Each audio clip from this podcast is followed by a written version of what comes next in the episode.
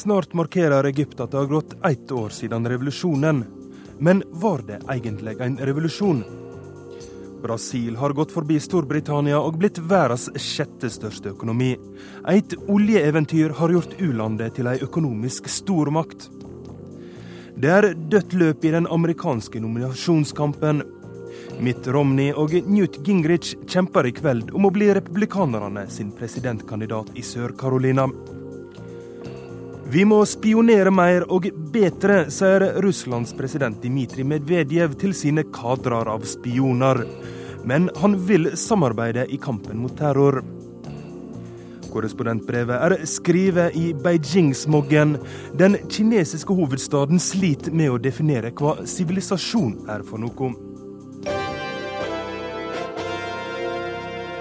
Dette er Verden på lørdag. Jeg heter Roger Severin Bruland. I Egypt ladder det opp til årsdagen for oppstanden som styrta president Hosni Mubarak fra makta.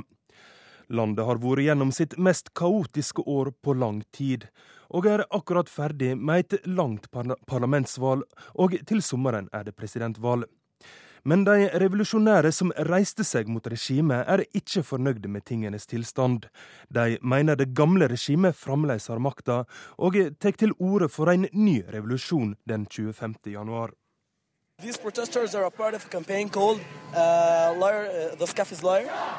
We are protesting to convince people that uh, Disse demonstrantene er en del av en kampanje som kaller militærrådet løgnere. Vi protesterer for å overbevise dem om at de ikke er de rette til å styre landet. Vi vil ha frihet og rettferdighet, sier Mohammed al-Hag, en 15-åring med hvitinnfattede briller. Jeg treffer ham i utkanten av en demonstrasjon i bydelen Heliopolis i Kairo og han og et hundretalls andre har samlet seg ved et trikkestopp. Mohammed står der med en plakat med tre ord på arabisk. Verdighet, frihet og rettferdighet, som han sliter litt med å oversette til engelsk. From, uh, from our rights, liberty, uh, justice, uh, karama. I don't know it in English. I'm sorry for my poor English. Som resten av demonstrantene denne kvelden mener Mohammed at de ikke har oppnådd det de kjempet for under revolusjonen. Until, uh, we, we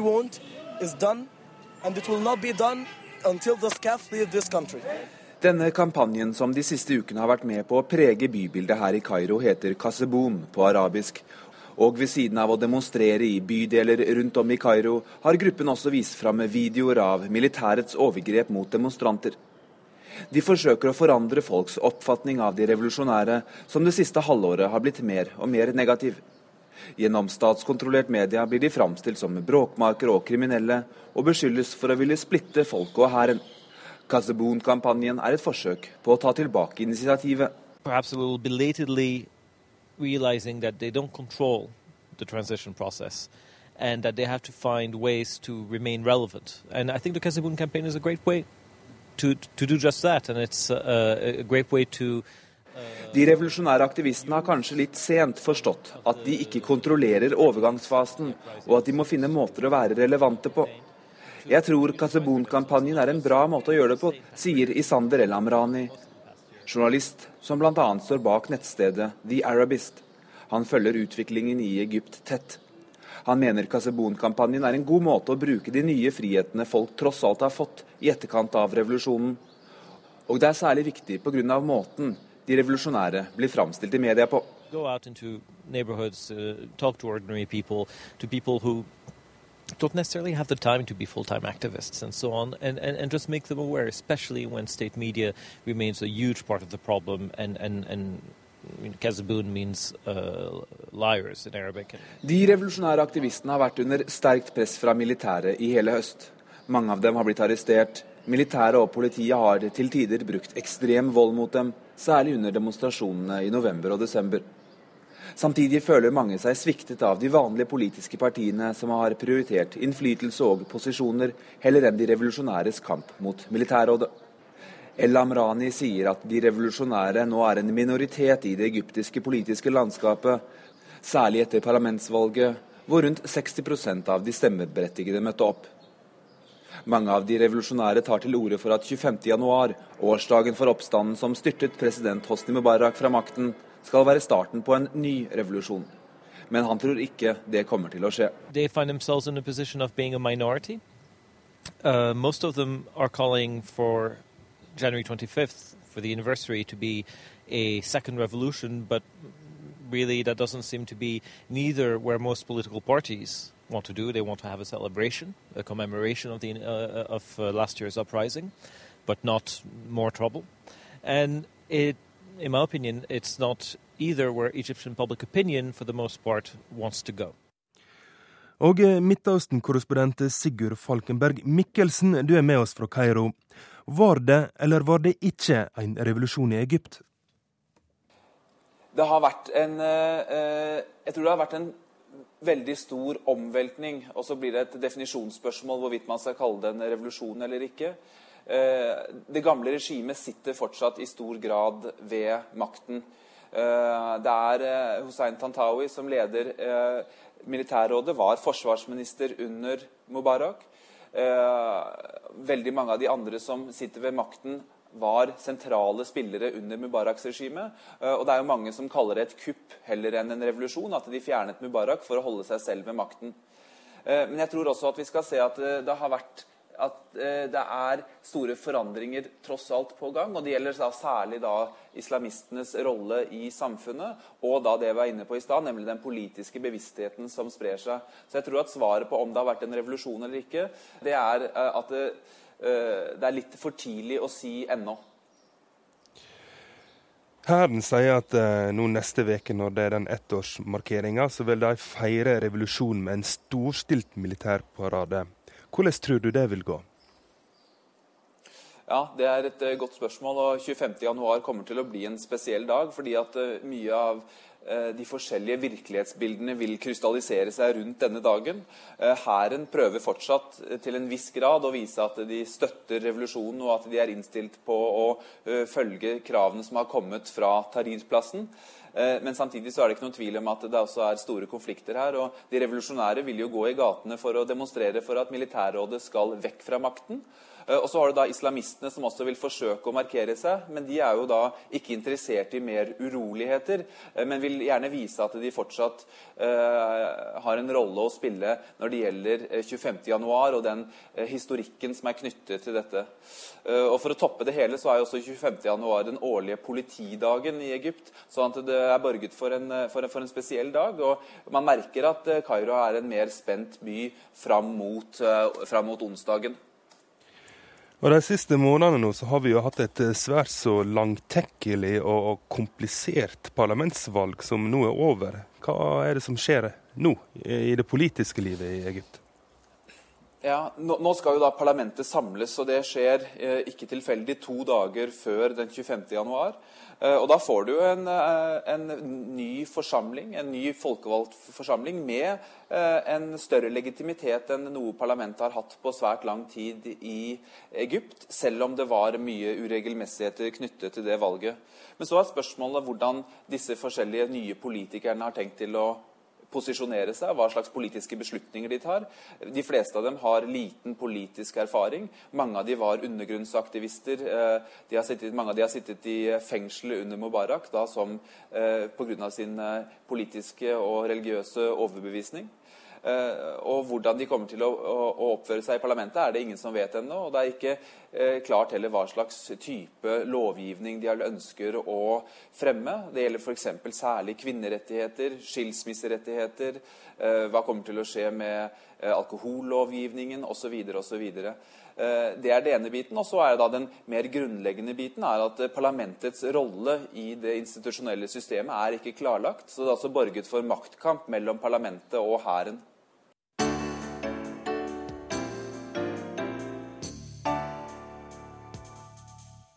Denne veka oppmoda president Dmitrij Medvedev den militære etterretningstjenesten i Russland, GRU, til å spionere mer for å sikre kunnskap om internasjonal våpenteknologi.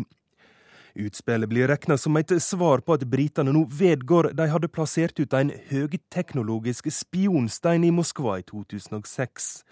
Det var stabssjefen til statsminister Tony Blair den gangen, Jonathan Powell, som i en BBC-dokumentar vedgikk spionasjen mot russerne. There's not much you can say. But the spy rock was embarrassing. They, they I mean, they had us banged to rights. Clearly, they'd known about it for some time and had been saving it up for a political purpose. Inni denne steinen lå en ren satellittsambandsstasjon. På få sekunder kunne britenes russiske spion overføre informasjon til London fra en PC i lommeformat når han passerte steinen her i Gorkiparken. Talsmann Sergej Ignatjenka for det russiske sikkerhetspolitiet FSB sier dette om britenes spionstein i dag. Космическая технология, по сути, изготовления, потому что этот камень его можно бросить с, ну, практически с девятого этажа. Он может находиться в воде. Steinen inneholder romfartsteknologi, for denne steinen kunne kastes fra niende etasje eller ligge i vann i lang tid uten å ta noen skade. Stein med dette utstyret har flere forsvarsmekanismer, og etter vurderingen til våre russiske eksperter kostet utviklingen av denne spionsteinen en god del titalls millioner pund. Bare under laboratorieforhold kunne denne understeinen utvikles, sa talsmannen for det russiske hemmelige politiet FSB. Britene og amerikanerne har i mange år ertet opp russerne ved å prøve å utplassere høyteknologi til bruk for deres egne russiske agenter eller spioner. Tidlig på 1980-tallet ble en amerikansk diplomat tatt mens han prøvde ut en liten satellittsender i Filjovskij park her i Moskva. Åstedet lå 200 meter fra leiligheten til norsktalende Viktor Grusjko, generalobersten i KGB som den gangen ledet den sovjetiske utenlandsspionasjen. Nest etter horene er spionene verdens eldste yrke. Og Russlands president Dmitrij Medvedev var ikke snauere enn at han lot fjernsynet filme seg da presidenten oppfordret Russlands egen militære etterretningstjeneste, GRU, til å spionere hardere for fremtiden torsdag. Конечно, нужно наращивать и оперативный потенциал службы, и Selvfølgelig må det operative potensialet utvikles i etterretningstjenesten, informasjonen dere skaffer, den analytiske styrken. Og alt dette vet jeg jo at dere driver på med, sa Dmitrij Medvedev og fortsatte. Dere må monitore den globale militærpolitiske situasjonen, dere må lage prognoser over potensielle trusler og foreslå tiltak til å nøytralisere truslene. Og endelig må dere følge med i våpenutviklingen internasjonalt og hva som skjer i forsvarsindustrien i utlandet, sa president Dmitrij Medvedev. Klare marsjordre kan ikke spioner få. Og president Medvedev sa den russiske etterretningstjenesten fungerer godt nå, da han delte ut medaljer til fortjente spioner. De fikk skjult ansiktene sine under TV-overføringen fra GRU, den militære etterretningstjenesten. I tillegg har Russland den strategiske etterretningstjeneste. Før ble den kalt for KGBs første hoveddirektorat. Hovedkvarteret ligger fremdeles i Jasjenjeva i sørvest-Moskva og er Russlands svar på CIAs hovedkvarter i Langley utenfor Washington. Men britene har alltid irritert russerne mer enn amerikanerne, særlig fordi det til sist lyktes MI5 under den kalde krigen å avsløre russernes egne muldvarper i britenes etterretningstjeneste MI6. Donald McLean, Guy Burgess og Kim Philby. Da disse lyktes å flykte til Moskva, sa CIA at de hadde vært så skadelige at USA for fremtiden måtte holde selv værmeldingen hemmelig for britene. Selv om den kalde krigen for lengst er over, spioneres det også i dag. Men Dmitrij Medvedev sa også til sine spioner på torsdag at det er ett felt der de skal dele informasjonene sine med sine spionkollegaer fra vest. Informasjon med partnerne, en av nøkkelfeltene for våre spesialtjenester i Russland, som den militære E-tjenesten er en del av, er kampen mot internasjonal terrorisme. Og når det trengs, må dere dele informasjonene med våre partnere i utlandet. For kampen mot terror er global i sin art, sa Russlands president Dmitrij Medvedev tross alt denne uken, da er spionasjens titt for tett mellom briter og russere kom for en dag og ble tilstått i London.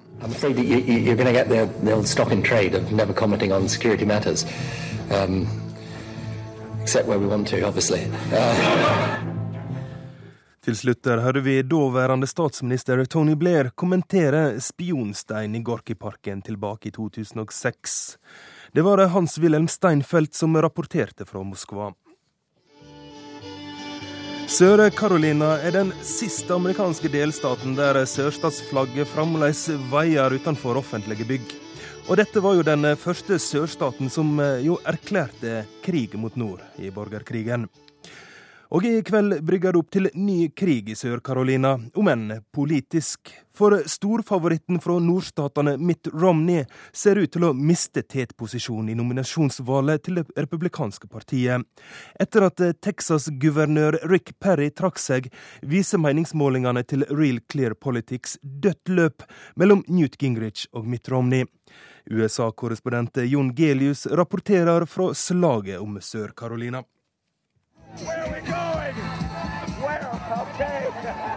Det går unna i sluttspurten for Mitt Romney her i Sør-Carolina. Forhåndsfavoritten trenger mer støtte og prøver å vinne nye velgere med røde epler på en regntung fredag. Wow, pull out the umbrellas. Use those signs for what they're made for. Keep your, keep your head dry. Fra et lasteplan på en sørstatsfarm håper Romney på mobilisering foran morgendagens valg. Alle husker thrilleren fra Iowa. Nå kan det gå mot dødt løp i enda en delstat. Rivalen Newt Gingrich puster ham i nakken. If you will help me on Saturday, if we can win here, I will become the Republican nominee because South Carolina does have a huge impact on the nominating process. And I do believe that a solid Georgia conservative is a lot more likely to debate and defeat Barack Obama than a Massachusetts moderate. Nå var det jo også tidligere denne uken et intervju med ekskona til New Gingrich, som også påvirket litt av eh, valgtemperaturen, og som fikk nemlig Gingrich til harmdirrende å skyte mot media. Eh, og så kan du si angrepet beste forsvar. Jeg er ikke sikker på det. Det blir spennende å se senere i dag om den intermessoen med ekskona får noe som helst å si i forhold til de strengt konservative velgerne som i utgangspunktet støtter Gingrich, og som vel også har, på en måte har tilgitt han hans utroskap og hans hans ekteskapelige forhold.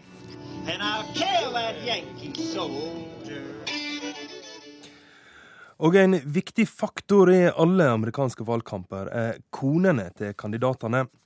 De er en del av pakken som blir presentert velgerne. Og gjør de en god figur, er dette en stor fordel for kandidaten. Men de kan ikke tillate seg hva som helst, forteller tidligere USA-korrespondent Wenche Eriksen. As I head home, I do so with the love of my life by my side. A woman who makes every day good when she is there by me. And that's my wife, Anita.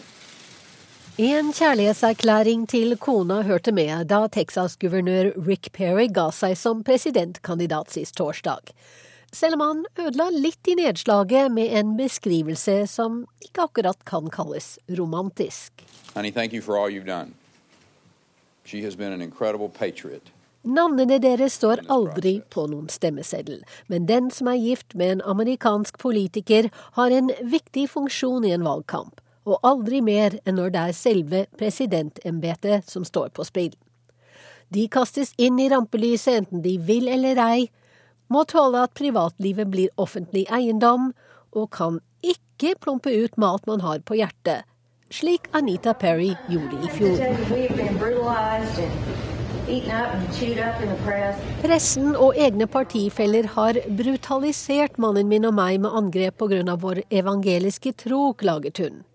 Det burde hun ikke ha gjort, for det var hennes uttalelser som dominerte overskriftene de neste dagene, ikke mannens forsøk på å markere seg med sin økonomiske politikk, som her på CNN. Anita Perry's turn in the spouse spotlight brutalizing Rick Perry because of his faith? Wrong again, Mrs. Perry. This is the beginning of a journey, and I think all of you in this room recognize how important this journey is. And so I'm thrilled to introduce to you the next President of the United States. Ann Romney er en av de mest drevne av de republikanske kandidatkonene. Men så var hun også svært aktiv under mannen Mitts forrige presidentvalgkamp i 2008. Aldri mer, sa hun da. Nå opptrer hun på egen hånd på valgmøter for å overbevise dere om at Mitt er den eneste som kan få dette landet på rett kjøl igjen, som hun sier. And I made sure I. I said, I.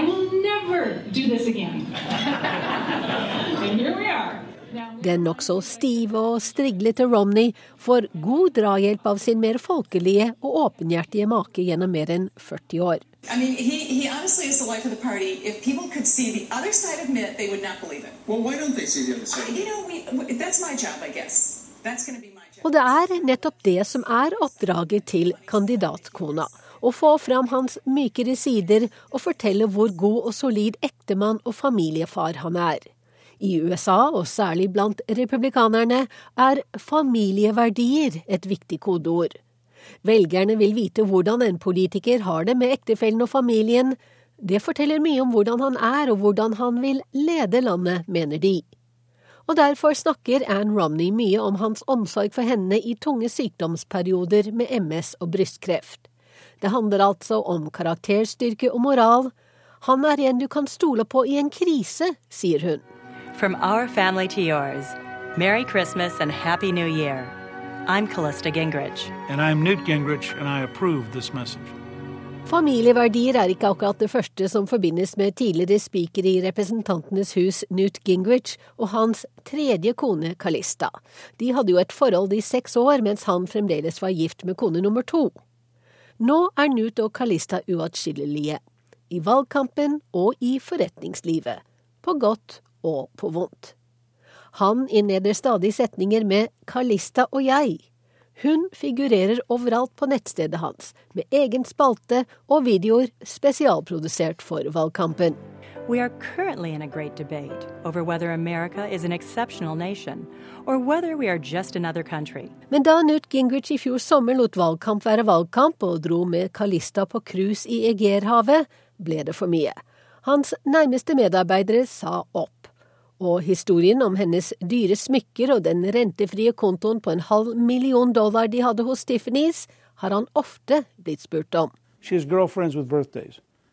I don't think politicians or the news media have the right to decide how people spend what they decide that they want to spend. Karen Santorum er både sykepleier, advokat og bestselgende forfatter, men bedyrer at det aller viktigste er å være hjemmeværende mor.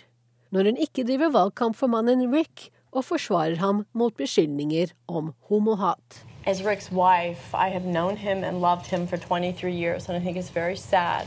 And it's so wrong. Rick does not hate anyone. For fire år siden skjedde en lynrask makeover av Michelle Obamas image, etter at hun framsto som en sint svart kvinne etter denne uttalelsen.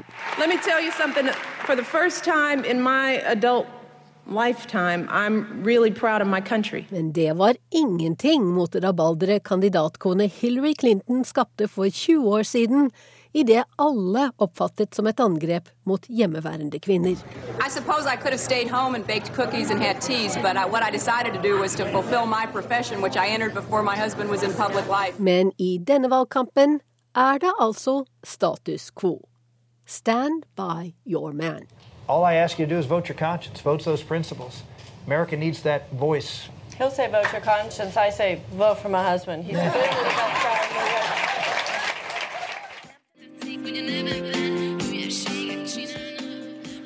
Dette er Dorotoya Karzai og sangen 'Jeg liker ikke systemet', en av de få protestsangene fra Ungarn nå for tida.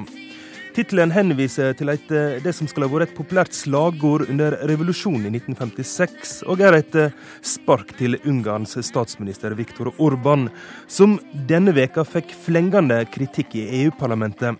Orban ble der kalla en autoritær og nasjonalistisk leder som prøver å monopolisere makta i Ungarn. Hans-Wilhelm Steinfeld kommenterer.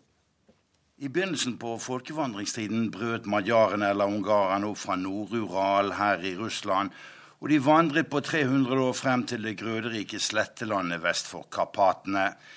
Den språklige opphavsteorien er at ungarerne var stammefrender med finnene i Uralfjellene. Men ny ungarsk arkeologisk forskning på gravplasser i Sør-Ural kan tyde på at madjarene kom enda lenger østfra, og aktualiserer tanken på at den legendariske hunakongen Atsilla red frem til Donau, helt fra den nordlige delen av Sentral-Asia. På helteplassen Høsukter i Budapest står de gamle ungarske kongene, og mange av dem bygget seg opp i det østlige landskapet Erdei på tysk Sibenburgen og Transylvania på rumensk. Det var magyarene som militært stanset tyrkernes fremmarsj mot Wien på 1400-tallet, og Skymegborgen nord for Balatonsjøen lå strategisk til med sine kanoner. Tilfeldigheten om hvem som fikk en arving, førte det ungarske kongedømmet inn i personalunion med habsburgerne, men dobbeltmonarkiet ble det største europeiske imperium under keiser Frans Josef. Ungarerne elsker fremdeles hans keiserinne Sissi eller Ersebet på ungarsk, Elisabeth på tysk. Esterhazy-familien var landets fremste adelsslekt. Huskomponisten Josef Hayden måtte spise med tyende på kjøkkenet, og svært mange ungarere forble nettopp tyende. Det ungarsk-østerrikske dobbeltmonarki tapte første verdenskrig med Tyskland og ble oppløst i 1918. Ved Trianon-freden i 1920 mistet Ungarn 70% av sitt enorme område, som strakte seg fra Italia og nesten til Bucarest. Jeg er statsminister for alle ungarere, sa Viktor Orban i sin forrige statsministerperiode, og feide med seg fire millioner etniske ungarere som bor i Romania, Slovakia og Serbia, med den kommentaren. Ikke bare høyresiden, men mange ungarere spør seg om dette. Hvorfor fikk Tyskland samle seg til ett rike etter det tyskerne gjorde under andre verdenskrig, mens ungarerne ikke får samle seg etter det de var med på under første?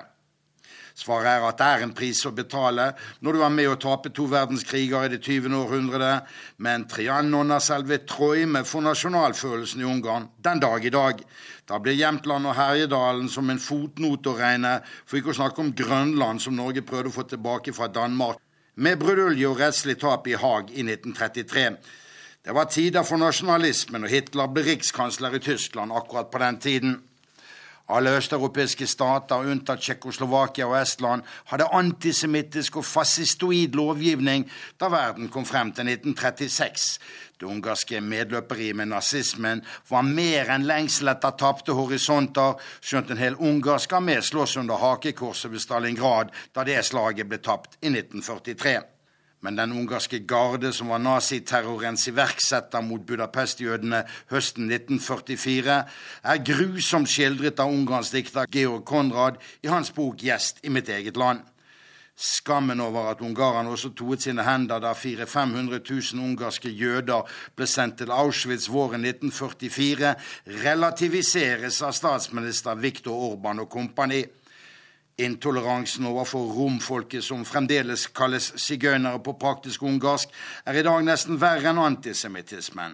I 2003 eh, sa overrabbiner Frølich i Budapest til NRK at nå hører vi igjen de samme talene som vi hørte på 30-tallet. Det blir bråk av slikt. Ikke bare sigøynere og jøder, men også donautyskerne fikk smake ungarsk xenofobi på 30-tallet.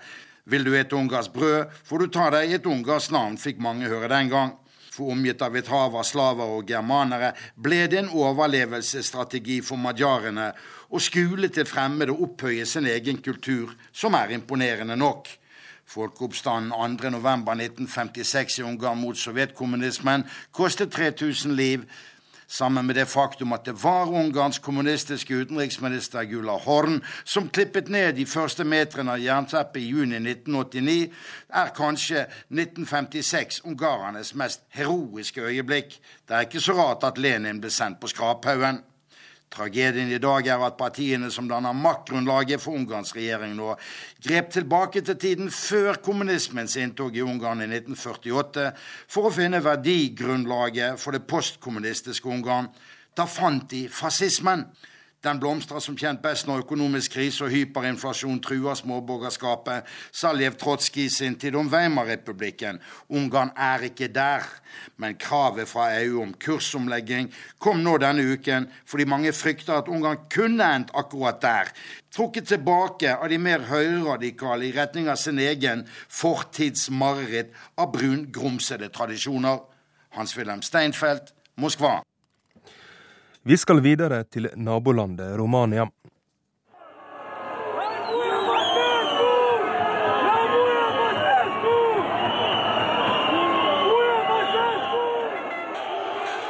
I ei uke har det nå eh, vært protester mot dårlige levekår i Romania. I går kveld var det nye demonstrasjoner i de største byene i Romania. Demonstrantene mener innstrammingene til regjeringa er for harde, og de krever at president Trajan Basescu og regjeringa går av. Søndag ble 33 personer skada i sammenstøt med politiet. Torsdag støtte 7000 demonstranter sammen med opprørspoliti. Det hele enda i tåregass og arrestasjoner. Eh, velkommen til deg, historiker og Romania-ekspert eh, Jardar Skeim. Eh, det er jo ikke så snakk om så mange som demonstrerer. Likevel så er du bekymra for denne utviklinga. Hvorfor det? Det er på en måte ikke så mange som demonstrerer i hver enkelt demonstrasjon, men det har pågått i over en uke nå. Men det er også i ganske mange byer i Romania, det er ikke bare i hovedstaden. Og det sitter nok veldig mange hjemme som sympatiserer med det som demonstrantene står for. Så derfor så er, har dette et omfang som er større enn det man kanskje kan tolke ut ifra bildene. Bekymringen er først og fremst fordi eh, den situasjonen som eh, man nå protesterer mot, nemlig vanskelige leveforhold, det er ikke en situasjon som det verken for politikere ved makten eller opposisjonen er så lett å peke på en vei ut av. Hvordan har styresmaktene håndtert disse protestene? Eh, disse protestene startet på en eh, nokså spesiell måte, fordi eh, folk begynte å gå ut i gatene i protest mot at en statssekretær i Helsedepartementet trakk seg. Og det gjorde han i protest mot en forandring av helseloven som ville gi mer privatisering. Det veldig spesielle var at den direkte foranledningen til at han trakk seg, var eh, et fjernsynsintervju med han, hvor landets president ringte inn og ba om å få være med i programmet, og nærmest utsatte statssekretæren i Helsedepartementet for et eh, nokså hardt forhør for åpen mikrofon og åpen eh, TV-kamera. Dagen etter trakk han seg. Og Derfor så ble presidenten også en skyteskive for protestene med en gang, som handlet om denne helseloven, men veldig fort gikk over til å handle om den generelle økonomiske og sosiale situasjonen. Eh, hvordan myndighetene har håndtert dette? Eh, de har håndtert det på den måten at de forholdsvis raskt trakk forslaget til helselov, ny helselov tilbake. Men ellers har de vært påfallende passive i sine uttalelser og utspill, og håper vel at det hele skal roe seg ned. Denne presidenten Trajan Basescu er jo en uh, politisk survivor. Han har jo overlevd det meste av politiske angrep. og Rumensk politikk er jo ikke en uh, barnehage, akkurat. jeg tror han vil overleve dette her? Ja, det tror jeg. Fordi han, han har et par år igjen av sin andre presidentperiode. Eh, opposisjonen har en gang før, i hans første periode, klart å få han suspendert ut ifra Grunnloven for en periode. Det håper de på nå også, men det er det veldig små sjanser til. Og han kommer til å fortsette. Problemet med Besesco i forhold til sånne situasjoner som dette, det er at han ikke bare vil være president og statsoverhode og på en måte kan ha en slags meklerposisjon også, men han engasjerer seg til de grader inn i slike saker som da han ringte inn i Det er som om han skulle prøve å ringe inn til Dagsnytt 18 og være med når da det er en statssekretær Når debatten ikke går den veien han vil? Ja, ja. Eh, politiet skal visstnok ha gått hardt til verks mot demonstranter. Jeg hører også at journalister klager over at de også har blitt angrepne og, og føler seg utsatte. Kan vi, uten sammenligning for øvrig, men, men, kan vi trekke noen likhetstrekk eh, mellom den politiske kulturen i Romania og den i nabolandet Ungarn? Så vi kan trekke noen tråder der, historiske tråder? Eh, når det gjelder eh, politiet og demonstrasjonene, så, så, må det jo legges til at uh, i tillegg til si, folk som kommer fra alle samfunnslag, både studenter, pensjonister, lærere og, forskjellig, så har det de dagene det har vært voldelig sammenstøt, så har det vært et betydelig innslag også av fotball tilhengere, eh, som har eh, særlig søndag, forrige søndag kveld gikk veldig hardt til verks. Og det var eh, butikkplyndringer og biler i brann og steinkasting fra fortauene osv. Så, videre. så at det har vært sammenstøt hvor politiet har måttet gå nokså kraftig inn, det, det, er ikke overraskende. Så vil nok sikkert også har vært enkeltepisoder. Journalister generelt. Altså det ble overført direkte i rumensk fjernsyn fra disse gatekampene. Eh, tusen takk til deg, historiker Jardar Seim.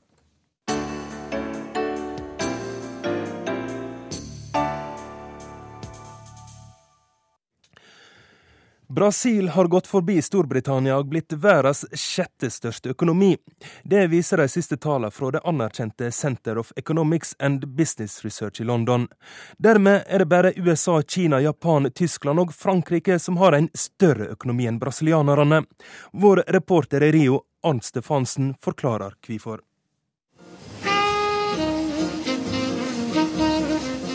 Det har skjedd mye her i Brasil siden myke bossa nova-rytmer var landets viktigste eksportartikkel, og Rio de Janeiros strender var det som lokket utlendinger til byen. Selv om bossa novaen lever i beste velgående og Rio de Janeiros strender fortsatt er vakre, så er det nå pengene som styrer livet under sukkertoppen.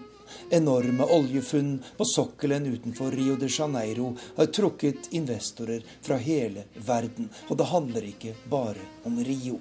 Hele Brasil tar del i en fremgang landet aldri har sett maken til.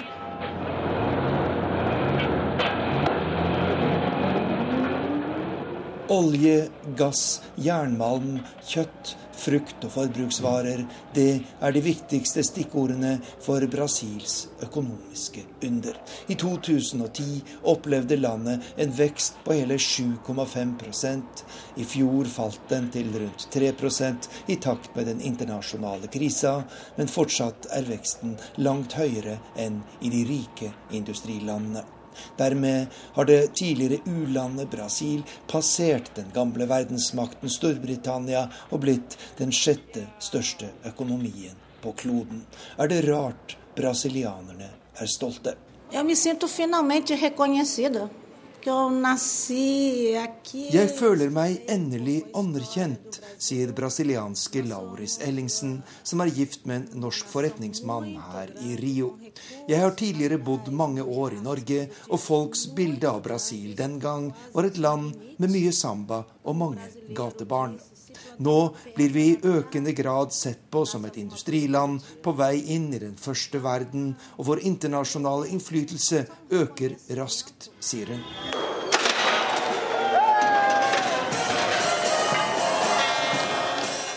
Et offshorefartøy fra den norske Doff-gruppen sjøsettes her i Rio de Janeiro. Et av mange uttrykk for at norsk næringsliv er tungt inne i Brasil. Mer enn 100 norske selskaper med Statoil, Hydro og Aker i spissen har etablert seg i landet de siste årene, og mange andre banker på døra. Da næringsminister Trond Giske var på besøk her i Brasil i fjor, ble han fulgt av rundt 140 norske forretningsfolk. Den største næringslivsdelegasjonen som noen gang har reist ut fra Norge. Giske ser det brasilianske statsoljeselskapet Petrobras som en særdeles interessant samarbeidspartner for norske bedrifter. Dette vil være den ledende kraften i internasjonal oljeøkonomi i, i, årene som kommer. Og norsk industri har masse teknologi og tjenester som Petrobras kan dra nytte av.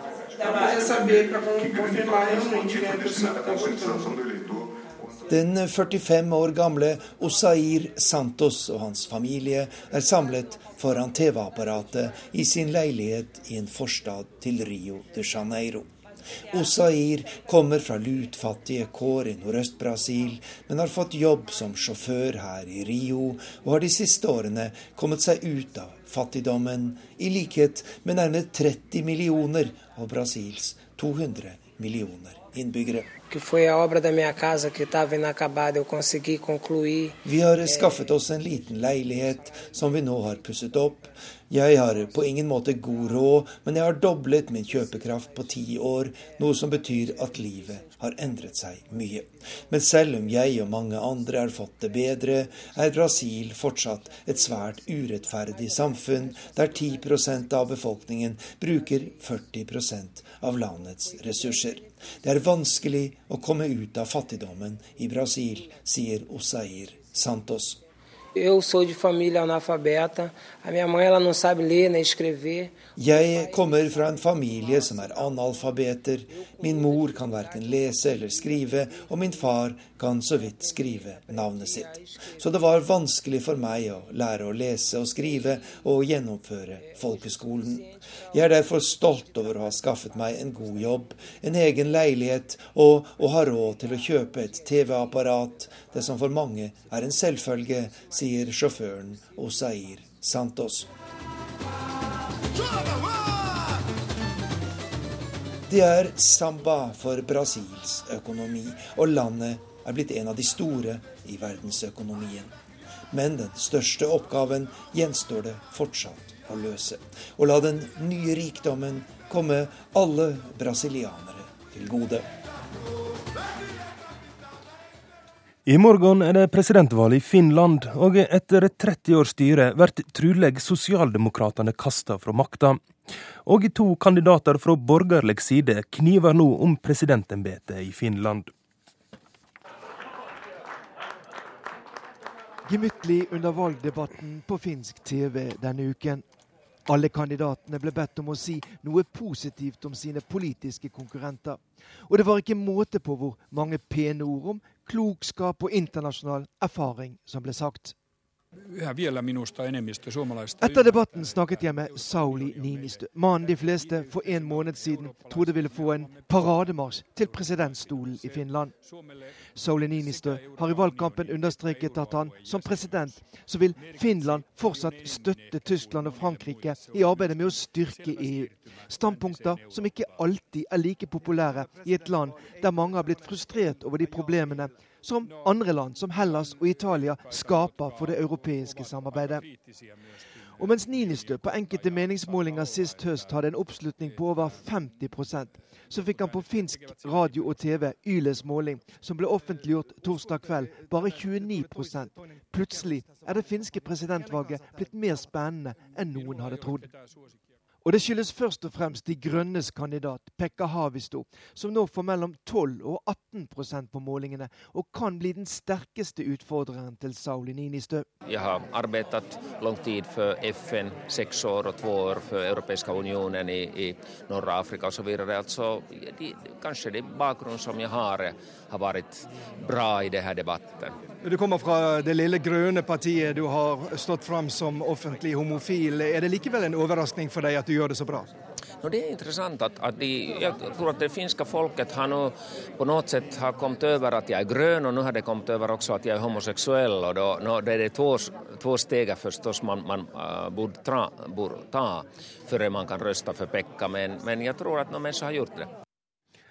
Og kollega Morten Jentoft, du er nå i Jervenpa, en tettstad utenfor Helsingfors, og på mange måter en bit av det ekte Finland. Er temperaturen der like høy som i Sør-Carolina? Ja, som dere kanskje hører i bakgrunnen her, så er det god valgstemning her på torget i eh, Jervenpa akkurat nå. Eh, I boden til eh, Sauli Ninistø, den konservative kandidaten, så tilbyr man både kaffe og drops da, til folk her.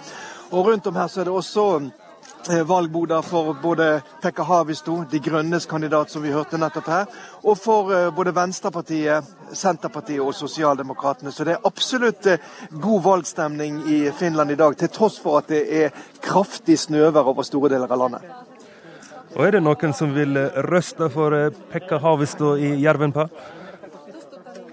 Ja, eh, det tror jeg nok absolutt det. Han seiler i eh, medvind, det er ingen tvil om det nå. Mange ser på han som et nytt, friskt tilskudd til eh, finsk politisk liv. Det store spørsmålet nå er jo om han kan klare å gå til andre runde i dette finske presidentvalget. De fleste tror her, og det skal vel et under til, om ikke Sauli Ninistø, de konservatives kandidat, kommer til å vinne første runde i morgen. Kampen står om andreplassen, og der ligger Pekka Havisto veldig godt an. Han slåss med den gamle ringreven Senterpartiet, Senterpartiets Paavo Vaurinen, som også har ført en veldig aktiv valgkamp. Eh, helt avslutningsvis, eh, kan du bare fortelle oss litt om hva en nyvalgt finsk president kan utrette for Finland? Ja, eh, Den finske presidenten har jo ikke like stor makt som eh, legendariske eh, Oro Kekkon, finsk president i 25 år, hadde. Men fremdeles så er det den finske presidenten som leder utenrikspolitikken i, Finland. Han er øverste sjef for Forsvaret. Og han har også, det har også bl.a. Sauli Niinistö understreket, han har nettopp gått fra dette valgmøtet her, understreket at han har et moralsk ansvar for også å lede Finland videre. Sånn at den finske presidenten spiller en viktig rolle.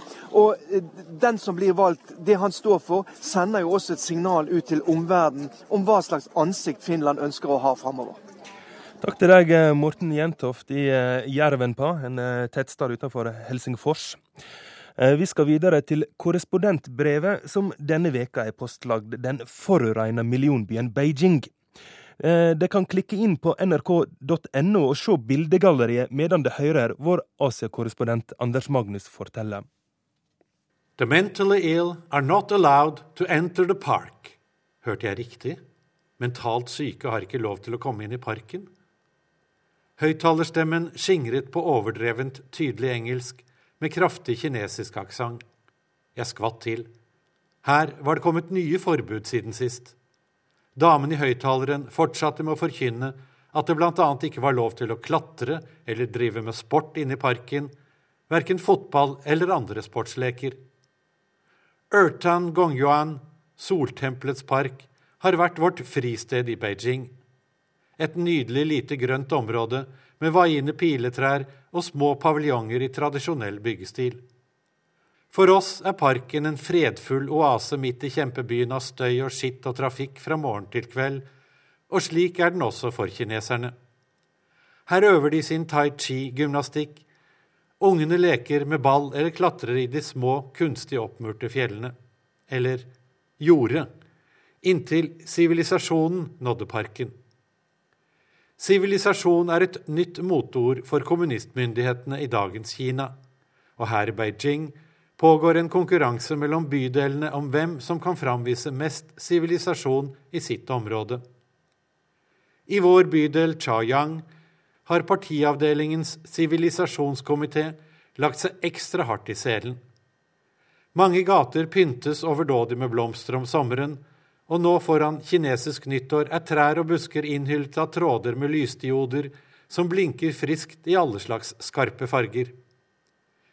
Sivilisasjon skal være storslagent og imponerende å se på, men ikke nødvendigvis hyggelig. I parken vår har sivilisasjonskomiteen brutt opp den fredelige atmosfæren med høyttalerdamens skingrende annonsering av alle forbudene på både kinesisk og engelsk. Og hvile er også usivilisert. Derfor har komiteen fått montert inn svære metallbøyler midt på alle benkene, slik at én person kun kan sitte på hver ende, men ikke lenger strekke seg ut eller legge seg ned for å ta en liten lur. Langs det vesle, kunstige fjellet er det satt opp en hel armada med nye skilt som forbyr klatring.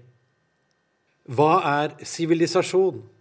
Er det å vise slik omsorg for barn og unge at man hindrer dem i å falle ned ved klatring på meterhøye fjell eller skade seg i lek med ball? Burde denne omsorgen også utvides til å omfatte en større del av oppvekstmiljøet? f.eks. ved at det ble forbudt å puste inn lufta i Beijing. Hadde du fulgt meg på jobb i dag når jeg skriver dette brevet, ville du kanskje ikke synes spørsmålet virket like tåpelig som det høres ut hjemme i Norge. I dag blir det ikke skikkelig lyst ute her. Et teppe av gulgrå røyk fyller lufta og gjør det umulig å se bygningene bare få hundre meter borte. Åpner jeg vinduet, er det som om vi skulle bo ved siden av pipen til et kullkraftverk. Min kone sier at vi lever i et kjemisk fengsel.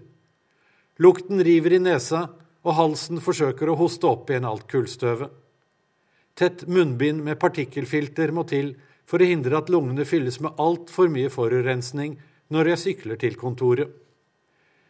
Den farligste forurensningen er likevel ikke den som blir fanget opp av munnbindet mitt, men den som slipper gjennom partikkelfilteret. PM 2,5 kalles disse partiklene, som er mindre enn 2,5 mikrometer i diameter. De er så små at de går gjennom lungenes alveoler og inn i blodet. Denne luftforurensningen er en stor trussel mot folkehelsen. Forekomsten av lungekreft i Beijing har økt med over 60% de siste ti årene, og det uten at sigarettrøykingen har tiltatt i denne perioden. Internasjonale grenseverdier for luftforurensning sier at andelen av slike mikropartikler ikke må overskride 35 mikrogram per kubikkmeter luft.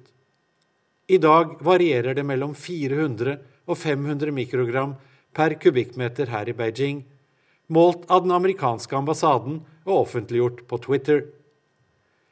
Livsfarlig luftkvalitet kalles dette amerikanerne, som advarer folk mot å gå utendørs. Men kinesere flest får ikke vite noe om disse målingene.